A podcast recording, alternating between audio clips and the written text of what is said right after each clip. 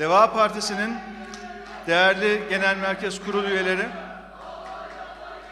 Yozgat İl Teşkilatımızın çok değerli başkanı, değerli ilçe başkanlarımız, teşkilat mensuplarımız, siyasi partilerin kıymetli temsilcileri, sevgili Yozgatlı gönüldaşlarımız, Türkiye'nin farklı illerinden gelip bugün bizlerle beraber olan saygıdeğer konuklarımız, ulusal ve yerel basımızın değerli mensupları, ekranları başında bizleri izleyen tüm vatandaşlarımız.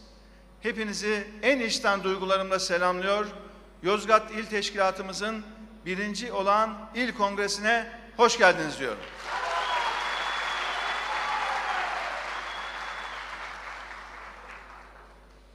Karslıoğlu Konağı'yla, Karabıyık Köprüsü'yle, Çapanoğlu Camii'yle, Roma Hamamı'yla, Anadolu'muzun tarihten bugüne uzanan en köklü şehirlerinden birinden, kültür dünyamıza çok sayıda değer yetiştirmiş bu güzel şehirden, Yozgat'tan sizlere sesleniyorum. Değerli arkadaşlarım, Türkiye'de siyaset 9 Mart 2020 tarihinde Deva Partisi'nin kurulmasıyla yepyeni bir soluk kazandı. Türkiye'nin birbirinden güzel renkleri partimizin çatısı altında bir araya gelmeye başladı. Aylardır il il, ilçe ilçe, mahalle mahalle, köy köy teşkilatlanıyoruz. Ne görüyoruz biliyor musunuz? Tünelin sonundaki ışığı görüyoruz arkadaşlar. Tünelin sonundaki ışığı. Gittiğimiz her yerde insanlarımızın beklentisini görüyoruz, hissediyoruz. Bizlerden beklenti çok yüksek. Ülkemiz karanlık zamanlardan geçerken hepimizin devasını kurduk çok şükür. Şu anda ülkemiz çetelerin yeniden devlet yönetiminde söz sahibi olmaya başladığı, toplumsal kutuplaşmanın hızla tırmandığı, beceriksiz politikalarla ekonominin dibe vurduğu zamanlardan geçiyor. Değerli arkadaşlar, gelin hep beraber günümüzün Türkiye'sinin şöyle beraberce bir fotoğrafını çekelim ve sizlerle beraber bir değerlendirelim. Şu anki iktidar partisi ve onun küçük ortağı ülkemizi arkadaşlar iflasın eşiğine getirdiler. Partili Cumhurbaşkanlığı sistemi başlayıp yakın akrabanın önemli bir göreve getirilmesinden bu yana Türkiye Cumhuriyeti hazinesinin borcu tam ikiye katladı. 2018 Haziran'da değerli arkadaşlar, genel seçim yapılıp partili cumhurbaşkanı göreve başlayıp ilk kabinede en yakın akrabasını görevlendirdiği tarihte Türkiye'nin hazinesinin toplam borcu, iç dış borcu arkadaşlar 860 milyar TL'ydi. 860 milyar TL. Bakın buraya dikkatinizi özellikle çekmek istiyorum. Gençler, bu rakamlar sizin için de önemli. Gelecekte bakacaksınız Türkiye nereden nereye gelmiş diye. Ve inşallah hep beraber bu ülkeyi çok daha güzel günlere götüreceğiz. Bakın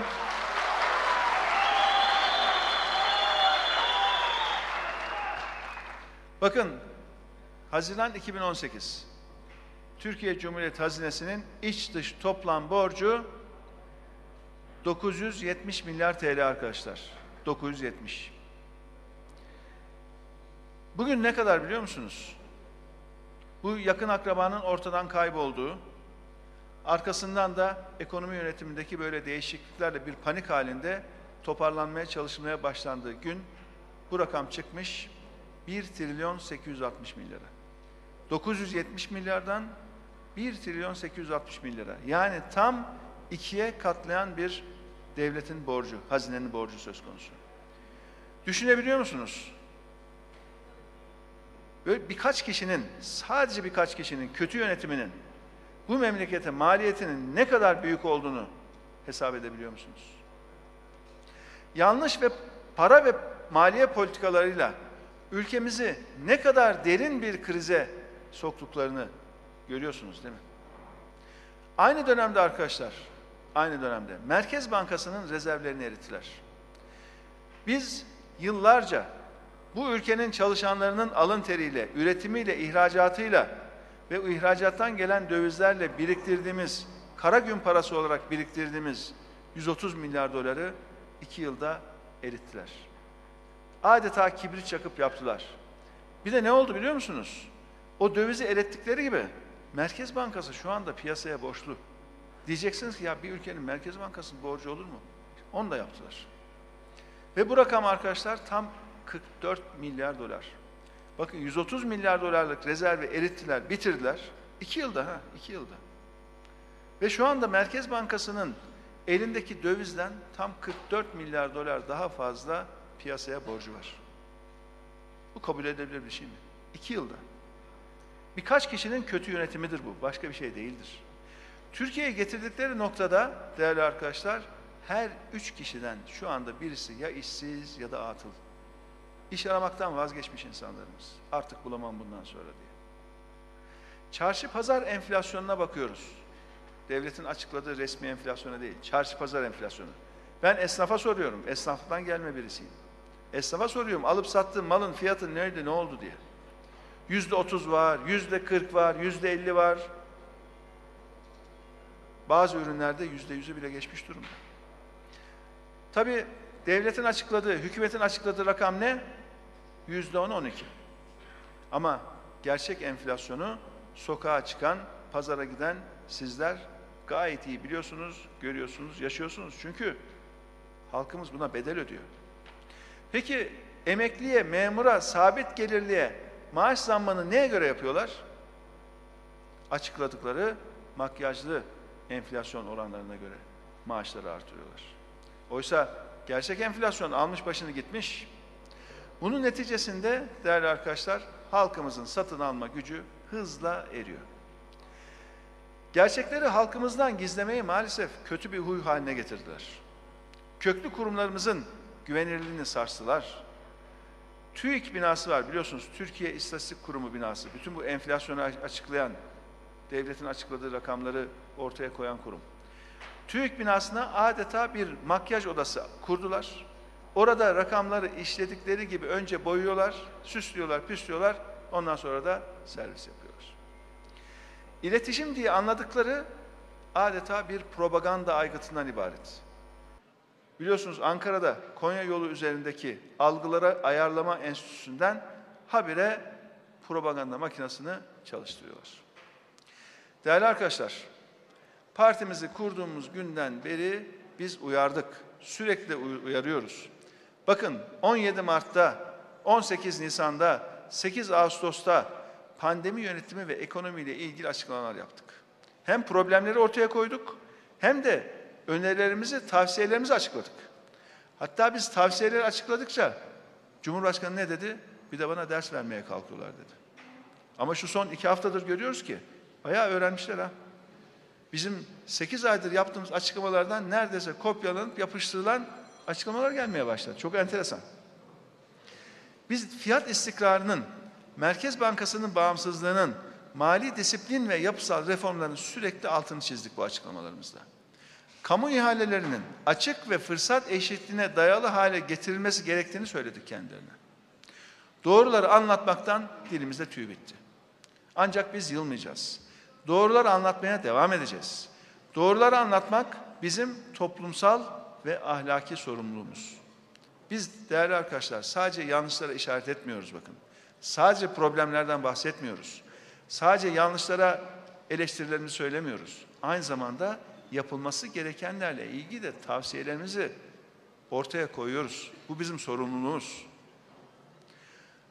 Biz bu açıklamalarımızla onların rahatlarını kaçırsak da, onlar bize kulaklarını kapatsalar da ders almak istemezlerse de biz doğruları söylemeye devam edeceğiz.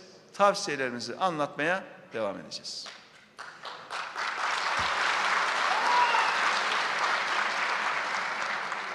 Değerli arkadaşlar, ekonomimizin bu kötü durumunda olmasının en önemli sebebi şu andaki yönetimin hukuku çiğnemeyi bir alışkanlık haline getirmesi.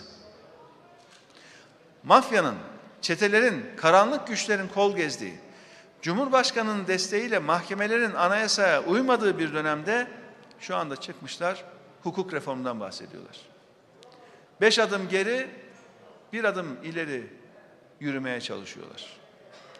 Şimdi bakıyorsunuz insan hakları eylem planı hazırlığı yaptıklarını söylüyorlar. Ama bal bal demekle ağız tatlanmıyor. Hukuk hukuk deyince insan hakları ihlalleri durmuyor. Bakıyoruz açıklamalarına insan hakları eylem planı hazırlıyorlarmış ve bu kapsamda insan hakları konularını ekonomik hayatın paydaşlarıyla tartışacaklarmış. Bakın mesele insan hakkı ama ekonomik hayatın paydaşlarıyla biz bunları konuşacağız diyorlar. Bu ne demek? Ekonomi dibe vurunca ancak akılları başlarına geldi demek. Ancak o zaman insan haklarını düşünmeye başladılar demek. Yani böyle kazara bu ülkenin petrol kaynakları, doğal gaz kaynakları olsa, böyle hazırı satıp parasını yiyip dağıtsalar demek ki akıllarına insan hakları falan gelmeyecek. Ancak kasa boşalınca, cepler boşalınca, ekonomi dibe vurunca ya biz ne, nerede hata yaptık? Bir de bu Deva Partisi diye parti varmış. Bakalım onlar ne diyor diye karıştıklarında, karıştırdıklarında bunları görüp buluyorlar şu anda. Laf aramızda öyle yapan epeyce de ülke var aramızda. Ha.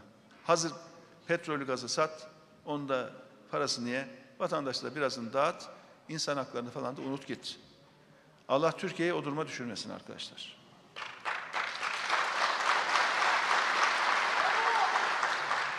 Şimdi ne vaat ediyor şu andaki hükümet? Piyasa mekanizmasında rekabetçiliğin sağlanmasını, mülkiyet hakkının korunmasını ve sözleşme serbestliğinizi vaat ediyorlar. Şu son iki haftada bunların hepsi. Ya bir söz vardır biliyorsunuz arkadaşlar. Uyan da balığa gidelim diye.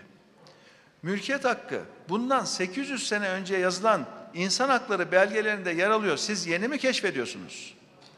İnsanların haklarını gasp ettikten sonra mı ekonomi dibe vurduktan sonra mı mülkiyet hakkı hakkınıza geliyor? 21. yüzyılda Türkiye'yi düşürdükleri durum bu arkadaşlar. Mülkiyet hakkı konusunda adımlar atacaklarmış. Zaten Türkiye bütün o konularda zirveyi görmüştü. Bizim dönemimizde.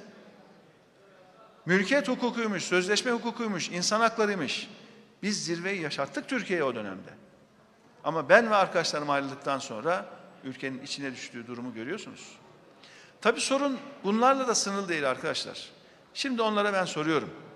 Siz insan hakları eylem planını çalışırken hangi insan hakları kuruluşunu, hangi sivil toplum kuruluşunu davet ettiniz? Önce bunu açıklayın. Basit bir suçlamayla yıllarca tutuklu yargılanan, sonra da suçsuzluğu ortaya çıkıp beraat eden bir vatandaşlarımızla hiç görüştünüz mü? Gözaltındayken işkence gördüğünü söyleyen tek bir vatandaşımızı çağırıp dinlediniz mi? Ya arkadaş bir anlat senin başına ne geldi dediniz mi? Bu dediklerimi korkarım ki yapamazsınız. Genç yaşta özgür yıllarını kaybettirerek toplumsal itibar katline uğrattınız, hakkına girdiniz bu insanların gözünün içine bakacak durumda değilsiniz artık. Bugünkü hükümete sesleniyorum. İnsan hakları ihlalleri ekonomik aktörlerle konuşularak çözecek bir sorun değildir. Yanlış yerlerde geziyorsunuz. Çözümü yanlış yerlerde arıyorsunuz. Zaten sırf bu sözlerinizden bile anlıyoruz ki buradaki niyet insan hakları falan değil. Niyet ne? İşte ekonomiyi böyle idare etmeye yetecek kadar bir adım atalım. Şu ekonomiyi toparlayalım da gerisi önemli değil. Anlayış bu. Kendilerince yatırımcıları kandıracak kadar insan hakkı yani. Ziya Paşa'nın dizeleriyle soralım. Sen herkesi kör, alemi sersem mi sanırsın? Kusura bakmayın. Halkımız cahil değil. Bu halk her şeyi görüyor, biliyor. Siz bu ülkeye yatırım yapabilecek insanların gerçeği görmediğini mi zannediyorsunuz? Göstermelik birkaç adımla bu ülkeye yatırım yapacak kendi vatandaşlarımızı ve uluslararası yatırımcıları cezbedebilecek, cezbedebileceğinizi sanıyorsunuz. Samimiyseniz hemen şimdi yapmanız gereken ilk iş şu. Bakın buradan ben bugünkü yönetime, bugünkü hükümete çağrıda bulunuyorum. Cumhurbaşkanı'na da çağrıda bulunuyorum. Samimiyseniz yapacağınız insan haklarıyla, hukukla ilgili çok basit bir şey var. Çok basit. Hakimlere ve savcılara sesleneceksiniz. Ve diyeceksiniz ki, size gelen hiçbir pusulaya veya talimata göre hareket etmeyin. Ey hakimler, savcılar. Aracıların tehdit ve teşviklerine de kulak asmayın. Evrensel hukuk kurallarına uyun. Anayasaya bağlı kalın, yasalara uyun, vatandaşın hakkını devlete karşı da koruyun. Vicdanınız rahat olsun. Bu kadar.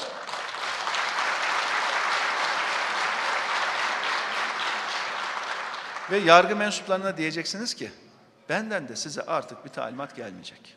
Rahat olun. Şöyle bir rahat nefes alın. İnanın bu kadar basit.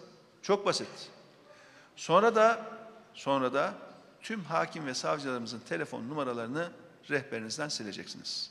Sileceksiniz ki eski huylar depreştiğinde tekrar arayıp şunu tutukla, şunu bırak diyemeyin.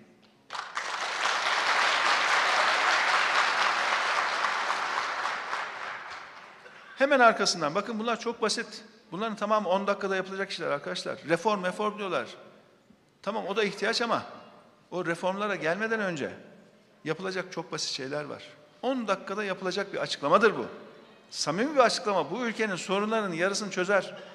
Bakın ya bir bakan kayboldu gitti. Boş koltuk kur düştü. Düşünebiliyor musunuz? Boş koltuk görüntüsü bile piyasayı rahatlattı. Demek ki Demek ki bizler bu kadro işin başına gelse memleket nasıl kanatlanıp uçacak? Gerçek anlamda nasıl? Bu onu gösteriyor bize. Yine tavsiyem bakın, yine çok kısa bir açıklama, basit bir açıklama. Deyin ki hemen arkasından kolluk kuvvetlerine dönün ve şunu söyleyin. Kolluk kuvvetlerine. Artık işkence bir ceza yöntemi olarak kullanılmayacak arkadaş. Bundan böyle işkence yapan her kimse ağır şekilde cezalandırılacak hiçbir kişiye en ufak bir tolerans dahi gösterilmeyecek. Açıklama bu. Bu söylediklerinizin ciddiye alınması nasıl sağlanır siz iyi bilirsiniz. Önce siz bir buralardan başlayın hele. Reform reform arkadan gelir. Bu öncelikle bir siyasi irade meselesidir, bir duruş meselesidir, bir yönetim zihniyeti meselesidir. Türkiye'nin pek çok sorunun derininde yanlış zihniyet vardır, yanlış yönetim vardır. Önce hükümet samimi olarak adaletin yakasından bir düşsün. Sonrasında bakın sadece ekonomik haklar değil, tüm haklar vatandaşımızın lehine nasıl işlemeye başlıyor. Değerli arkadaşlar, şimdi ekonomiyi dibe batırdıklarını anlamaya başlayınca insan hakkı dediler. Bir de ne dediler? Dün Avrupa Birliği'nden söz etmeye başladılar. Pabuç bağlı tabii. Senelerce ey batı diye diye siz ülkeyi içe kapattınız. Avrupa Birliği'ne siz yolumuza, biz yolumuza dediniz. Meydan okudunuz. Dün de, daha dün dün kalkmış biz kendimizi Avrupa Birliği'nde görüyoruz. Geleceğimizi Avrupa Birliği ile birlikte kuracağız diyor. Cumhurbaşkanı'nın açıklaması bu. Nihayetinde bu konuda da bizim sözümüze geliyorlar. Memleket adına iyi, memleket adına. Biz dedik ki kavga etmeyin, Türkiye'nin sözünün gücünü artırın. Türkiye'nin itibarını artırın. Sorunları kavgayla, gürültüyle, bağırarak, çağırarak değil, diplomasiyle çözün dedik. Çözümlerin parçası olun. Sorunların parçası olmayın dedik. Hani diyoruz ya, kopya çekiyorlar diye, lafta yine kopyaya devam. İcraatta daha bir şey görmedik ha. İki haftadır bol bol laf ama daha icraatta bir şey yok. Diyoruz ki senelerdir tüm dünyayla kavga eder hale geldiyseniz, bütün dünya düşman bize diye söylüyorsanız, düşünün ki bir mahallede oturan bir kişi var, mahallenin hepsi bana düşman diyor. Ya problem sende mi yoksa o mahallede mi onu bir düşünmek lazım. Sanki yıllardır Avrupa düşmanlığı yapan başkalarıymış gibi hiçbir şey olmamış gibi Cumhurbaşkanı dün aniden bir viraj aldı, U dönüşü yaptı. Tekrar ediyorum dün dedi ki biz kendimizi Avrupa Birliği'nde görüyoruz. Geleceğimizi Avrupa ile birlikte kuracağız. Allah Allah. Bir de maşallah o kadar hızlı bir U dönüşü ki bu. Yetişebilene de aşk olsun ha. Siz dün, düne kadar düşman ilan ettiğinize birden dönüp sarılmaya çalışıyorsunuz. Bütün dünyada böyle izliyor. Ne yapıyor bunlar ya diyor. Sayın Erdoğan biraz yavaş. Bakın sizin peşinizden bol bol yandaş gazeteci var gelen. Bolca troll, pelikan, melikan, çeşitli kuş sürüleri var bir de. Böyle hızlı manevra yaptığınızda viraj alamayıp kaza yapıyorlar. Sağa sola savruluyorlar.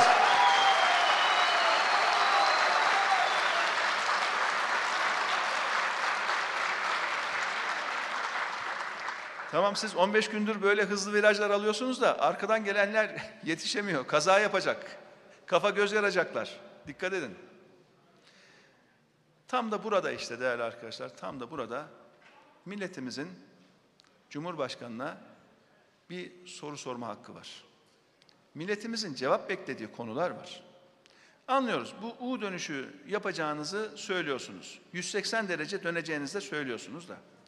Peki sizin bunca zamandır Avrupa ile, Avrupa Birliği ile, NATO ile, Batı ile yaptığınız kavgaların bu milletin sırtına yüklediği maliyet ne olacak peki? Türkiye'ye yatırım gelmiyor bu kavgacı tutum yüzünden arkadaşlar. Bu kavgacı tutum yüzünden Türkiye'ye turist gelmemeye başladı. Bizim Anadolu'da bir söz vardır. Kavgalı eve kız verilmez diye. Eski bir deyim tabii. Bugünkü belki toplumsal yapımızı, bugün geldiğimiz toplum yapısını yansıtmasa da eskiden geçerli bir deyimdir. Bakın, birkaç tane örnek vereceğim. Bunlar ne yaptı?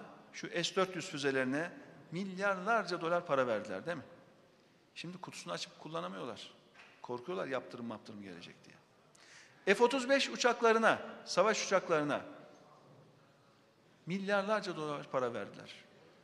Onlar da alamadılar. Şimdi bizim para verdiğimiz uçakları başka ülkelere satıyorlar ha. Bakın hem milyarlarca dolar parayı ver kaybet. Hem F-35'leri kaybet hem de S-400'leri kullanama. Bu mu dış politika? Bu mu güvenlik politikası? Bu millete bir açıklama borcunuz var. Biz diplomaside, dış ilişkilerde, dış politikada kazan kazan kavramını biliriz. Yani ne yaparsınız? Böyle küçük bir pastayı paylaşma değil de pastayı büyütürsünüz. işi genişletirsiniz, herkesi kazandırırsınız. Bunların kazan kazandan anladığı yok. Memleketi düşürdükleri durum kaybet kaybet. Ekonomideki ekonomideki, dış politikadaki, güvenlik politikalarındaki yanlışların bu millete ödediği bedelle ilgili bu millete bir açıklama borcunuz var. Bu büyük ülke sizin deneme tahtanız değil. Ekonomide dene yanıl, dış politikada dene yanıl, güvenlik politikalarını dene yanıl, U dönüş yap, 180 derece dön. Kusura bakmayın. Bunların hepsinin bu millete bedeli var. Her bir vatandaşımız bu ağır bedeli şu anda ödüyor. Yoksulluk olarak ödüyor. Gelir dağılımındaki bozulma olarak ödüyor. Bu yanlışlarınızın maliyeti konusunda hiç açıklama yapmayacak mısınız? Bu deneme yanılmalarınızın sonucunda. Yanlış adımlarınızın sonucunda yoksullaşan vatandaşlarımıza, umudunu yitiren gençlerimize hiç açıklama yapmayacak mısınız? Ben şurada hata yaptım demeyecek misiniz? Hiçbir şey yokmuş gibi ha. Merkez Bankası'nın döviz rezervini bitir, Merkez Bankası'nı böyle borca sok. Hazinenin borcunu ikiye katla. Bu memleketi yoksullaştır. E yakın akraba ortadan kaybolunca millet bütün bunları unutacak. Sanki sorumluluk da ortadan buharlaşacak. Öyle kolay değil. Biz bunu vatandaşlarımıza unutturmayacağız. Her yerde anlatacağız. Bu millet ödüyor bu bedeli. Bu millet partili cumhurbaşkanı en yakın akraba el ele verip iki yılda ülkeyi bu duruma düşürdüler. Öyle bir kişinin ortadan kaybedilmesiyle bu sorunlar ortadan kalkmıyor. Bu milletin ödediği bedel ortadan kalkmıyor. Değerli arkadaşlar, hiç merak etmeyin bakın, hiç. Bu hükümet artık miadını doldurdu. İktidar partisine gönül vermiş dostlarımız da hiç merak etmesin. Artık Deva Partisi var. Bakın şu andaki hükümet aynı zamanda sosyal yardımlarla, sosyal desteklerle desteğe ihtiyaç olan vatandaşlarımızın ihtiyaçlarını az da olsa, kısmi de olsa karşılamaya çalışıyor. Ve sanki kendi keselerinden lütuf dağıtıyor gibi de yapıyorlar bu işe. Yardım yaparken hemen parti logosu. Halbuki o yardımların hepsi sizlerin ödediği vergilerden toplanan paralarla tekrar bu ihtiyacı olan kesime dağıtılıyor. Şöyle de bir hava oluşturmaya çalışıyorlar. Bakın biz gidersek bu yardımlar kesilir ha. Tabii İktidar Partisi Teşkilatı da bu konuda aktif. Kime yardım verecek, ne kadar verilecek? Vatandaşlarımızı bu yardımların kesilmesiyle korkutuyorlar. Halkımız müsterih olsun. Biz bunların yaptığından çok daha fazlasını yaparız. Biz işin başına geldiğimizde ülke topyekün zenginleşir. Yardıma ihtiyaç duyan vatandaşlarımızın zaten sayısı azalır. Ülkeyi yönetmek, vatandaşlara önce yardıma muhtaç duruma düşürüp ondan sonra onlara verdiğiniz destekle övülmek değildir. Önemli olan bu ülkenin bütün insanlarını alnının teriyle, bileğinin gücüyle hayatını kazanmasını sağlamaktır. Ve yardıma ihtiyaç duyan insanların sayısını azaltmaktır. Herkes çok rahat olsun. Ülke topyekün zenginleştiğinde bundan en çok da yoksul vatandaşlarımız ve sosyal destek, sosyal yardım ihtiyacı olan vatandaşlarımız istifade edecektir. Şu anda kasa boş, tam takır. Verecek bir şey yok. Şu andaki iktidar arkadaşlar, ezilenlerin umudu olarak çıktıkları yolda hakka inanan, adalete inanan insanlarımızı da sürekli incitiyorlar. Onlara destek olan halkımızın duygularıyla, umutlarıyla hatta itibarlarıyla oynuyorlar. Ama artık derler ya, dönülmez akşamın ufkundayız. Biz Deva Partisi olarak tüm hazırlıklarımızı yapıyoruz. Ehliyet ve liyakat sahibi güçlü kadromuzla beraber emaneti teslim almanın hazırlığı içindeyiz. Biz hiç kimsenin kendini öteki hissetmediği, devletin bütün vatandaşlarını aynı samimiyette kucakladığı, devletin vatandaşına hizmetkar olduğu, herkesin bu ülkenin devletiyle aynı aidiyet duygusuyla bağlı olduğu, herkesin eşit vatandaş olacağı bir Türkiye için çalışacağız. Demokrasi için, atılım için çalışacağız. Artık Türkiye'nin devası var, Deva Partisi hazır. Şimdi sizlere sormak istiyorum, Yozgat hazır mı?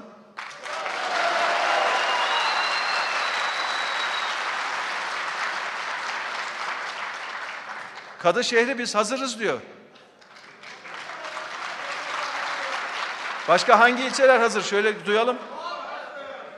Başka? Başka? Başka? Maşallah. Yozgat bütün ilçeleriyle hazır. Hayırlı olsun bakalım.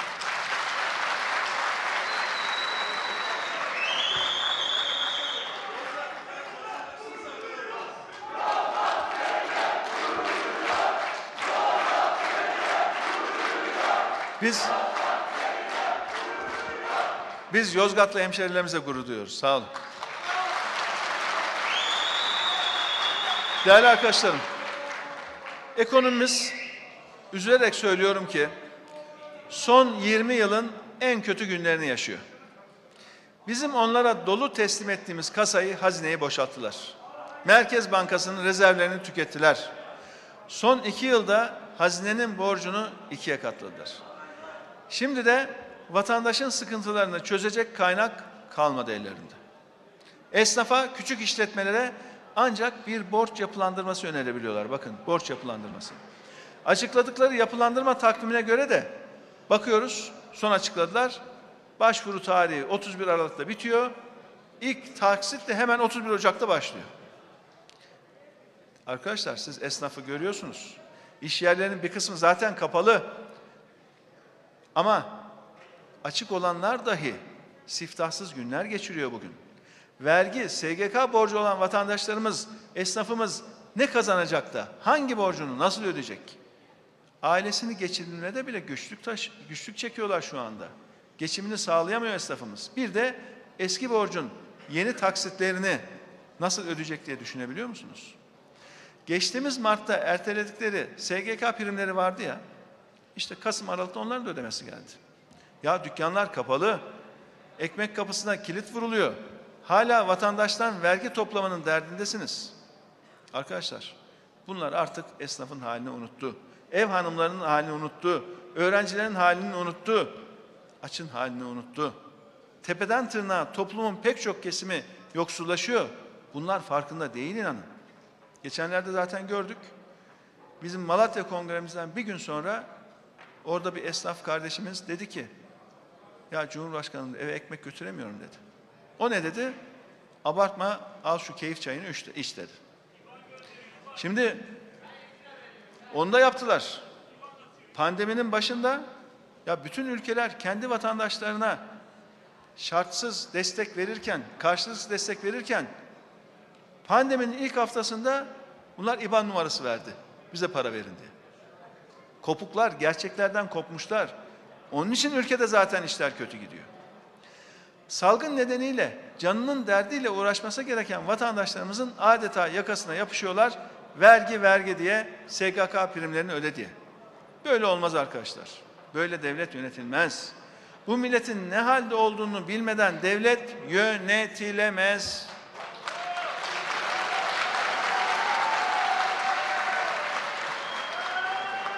Değerli arkadaşlar, bakın yıllarca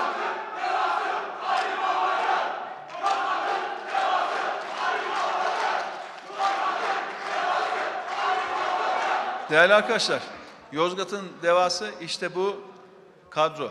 Bu coşkulu kadro, bu genç kadro. Deva Partisi bir kadro hareketi.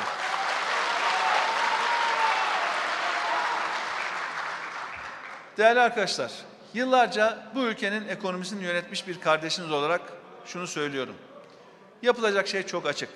Derhal ama derhal küçük işletmelerin tüm vergi, stopaj ve SGK prim ödemelerini pandeminin etkisi bitene kadar erteleyin. Bize ders vermeyin diyorlar ama derse çok ihtiyaçları var işte. Bunları söylemek zorundayız çünkü esnafı bilmiyorlar. Koptular. Şu pandemi bitene kadar esnafın yakasından düşün. Pandemi sonrasında da bu ödemeleri uzun vadeye yayın arkadaşlar. Uzun vadeye. Kredi borçları en az bir yılı ödemesiz olarak uzun vadeye yayılmalıdır. Öyle kısa vadeli ertelemelerle bu iş olmaz. Bu ötelenen borçların da kesinlikle faizinin alınmaması lazım bakın. Borcu öteliyorlar, o arada da faiz sayacını çalıştırıyorlar. Ben gerçekten anlamıyorum. Bu nasıl kafa? Ancak böyle bir yeniden yapılandırma esnafımızı rahatlatır. Uzun vadeli ve sıfır faizli yapılandırma. Bakın değerli arkadaşlar, bugün Almanya mali kural uygulayan bir ülke. Ve biz o 2008-2009 krizinden hemen sonra Türkiye'ye mali kuralı getirmeye çalıştık. Biliyorsunuz engellediler. Bugün eğer Almanya vatandaşına karşılıksız bu kadar hibeyi, bu kadar desteği verebiliyorsa, kredi değil, direkt destek verebiliyorsa, bunun en önemli sebebi mali kuralın olmasıdır. Türkiye'de bizim, benim ve arkadaşlarımın getirmeye çalıştığımız, hazırladığımız mali kuralı bunlar önce bir reddetti. Ve o gün bugündür de zaten dikiş tutmuyor ülke. Esnafımıza, küçük işletmelere kapalı kaldıkları dönem boyunca derhal kira desteği de sağlanmalıdır. Kira desteği. Tüm bu salgının maliyetini tek başına vatandaşın üzerine yıkamazsınız. Devlet olmanın da bir sorumluluğu var. Şu an eğer ekonomimiz kötü durumdaysa sadece ama sadece sizin kötü yönetiminiz yüzünden vatandaşlarımızın bunda bir kusuru yok. Esnafımız, vatandaşımız diyor ki ya ben 2018'de gittim seçimde oy verdim. Ben başka bir suçum yok ki diyor. Suçum bunlara oy vermek miydi diyor. Haklılar. Anne babalar gece başlarına yastığa koyduklarında ertesi gün çocuklarımızın karnını doyurabilecek miyiz diye kaygı duyuyorlar. İşte maalesef iş bulduklarında arkadaşlar çocuklar bile, yaşı tutmayan çocuklar bile çalışmak zorunda kalıyor bugün. Bu milleti nasıl bir yokluğa mahkum ettiğinizin farkında mısınız? Kayıtlı çalışan çocuk işçi sayısı 720 bin. Kaldı ki kayıt altına alınmayan da binlerce çocuk sokakta görüyoruz.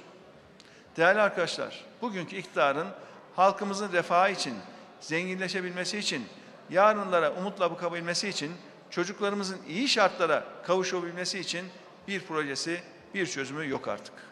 Bugünkü iktidardan ve ortaklarından ülkemizi geliştirebilecek tek bir şey dahi artık beklemiyoruz. Bu yüzden artık gitme vakitleri yaklaşıyor diyoruz. Çarşının, pazarın fiyatlarını bilmeyen, esnafın, memurun halini görmeyen, ev kadınlarının, gençlerin umutlarını yok eden bu iktidarın gitme vakti geliyor arkadaşlar.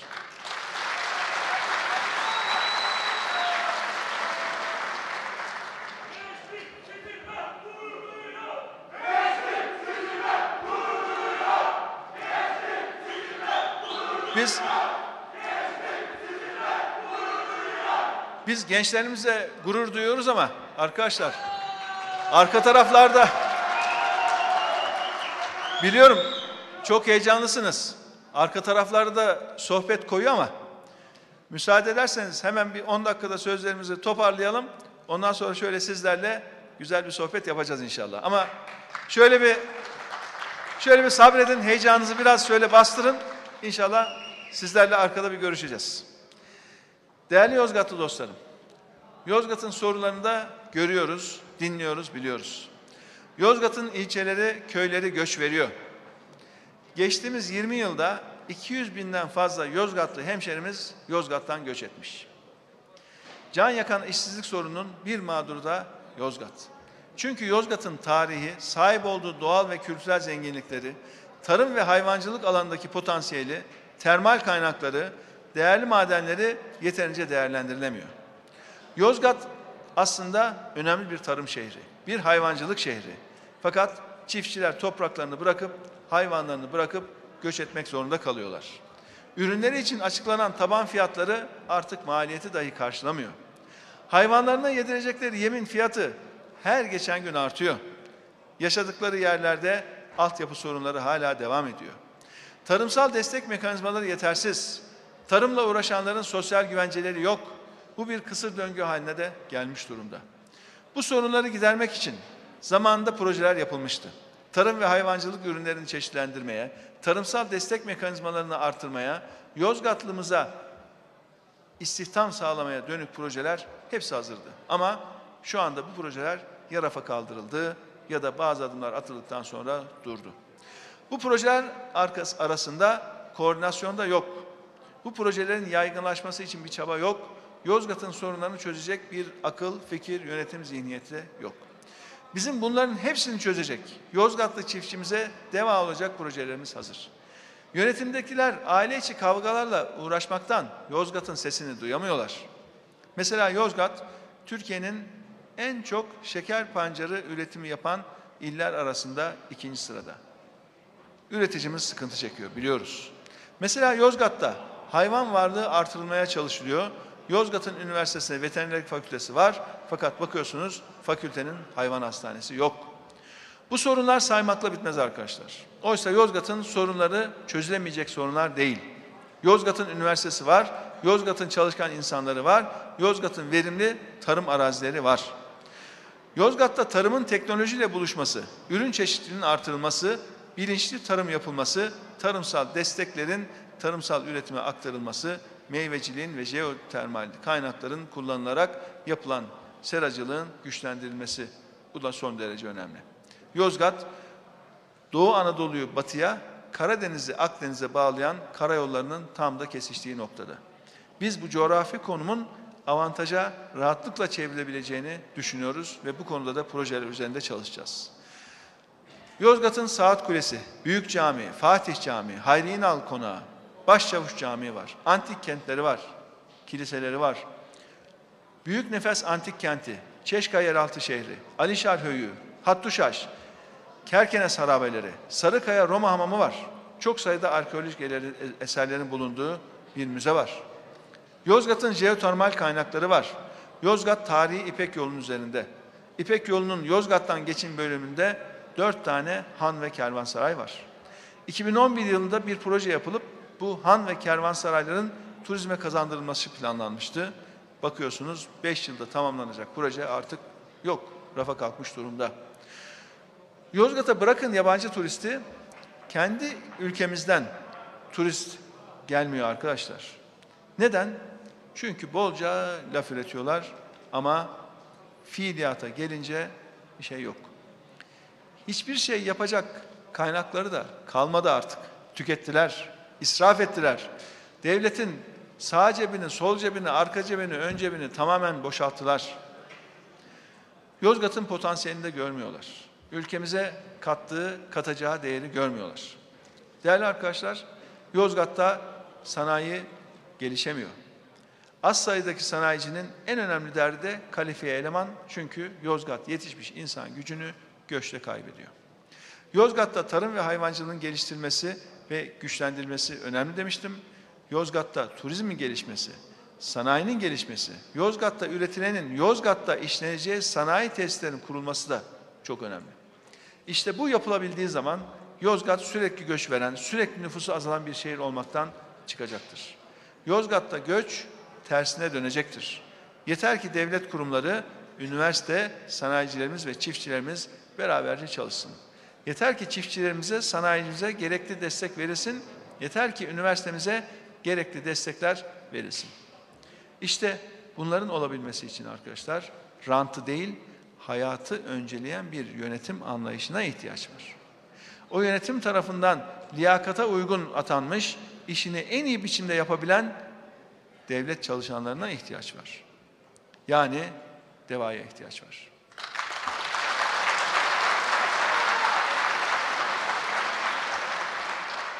Değerli arkadaşlar, Deva Partisi kadınlarla, gençlerle, çiftçilerle, emeklilerle, öğretmenlerle, işçilerle, esnafla eşitlik için, adalet için, özgürlük için yola çıktı. Çözüm haritamız belli. Çözümün sözcüsü bizler olacağız. Ayrışmayacağız, ayrıştırmayacağız. Toplumu kutuplara ayırmayacağız. Hep beraber Türkiye'nin yaralarını saracağız. Biz Türkiye'nin haysiyetli insanları için buradayız. Artık Türkiye'nin devası var, Yozgat'ın devası var ve biz hazırız. Hepinize çok çok teşekkür ediyorum. Sağ olun, var olun.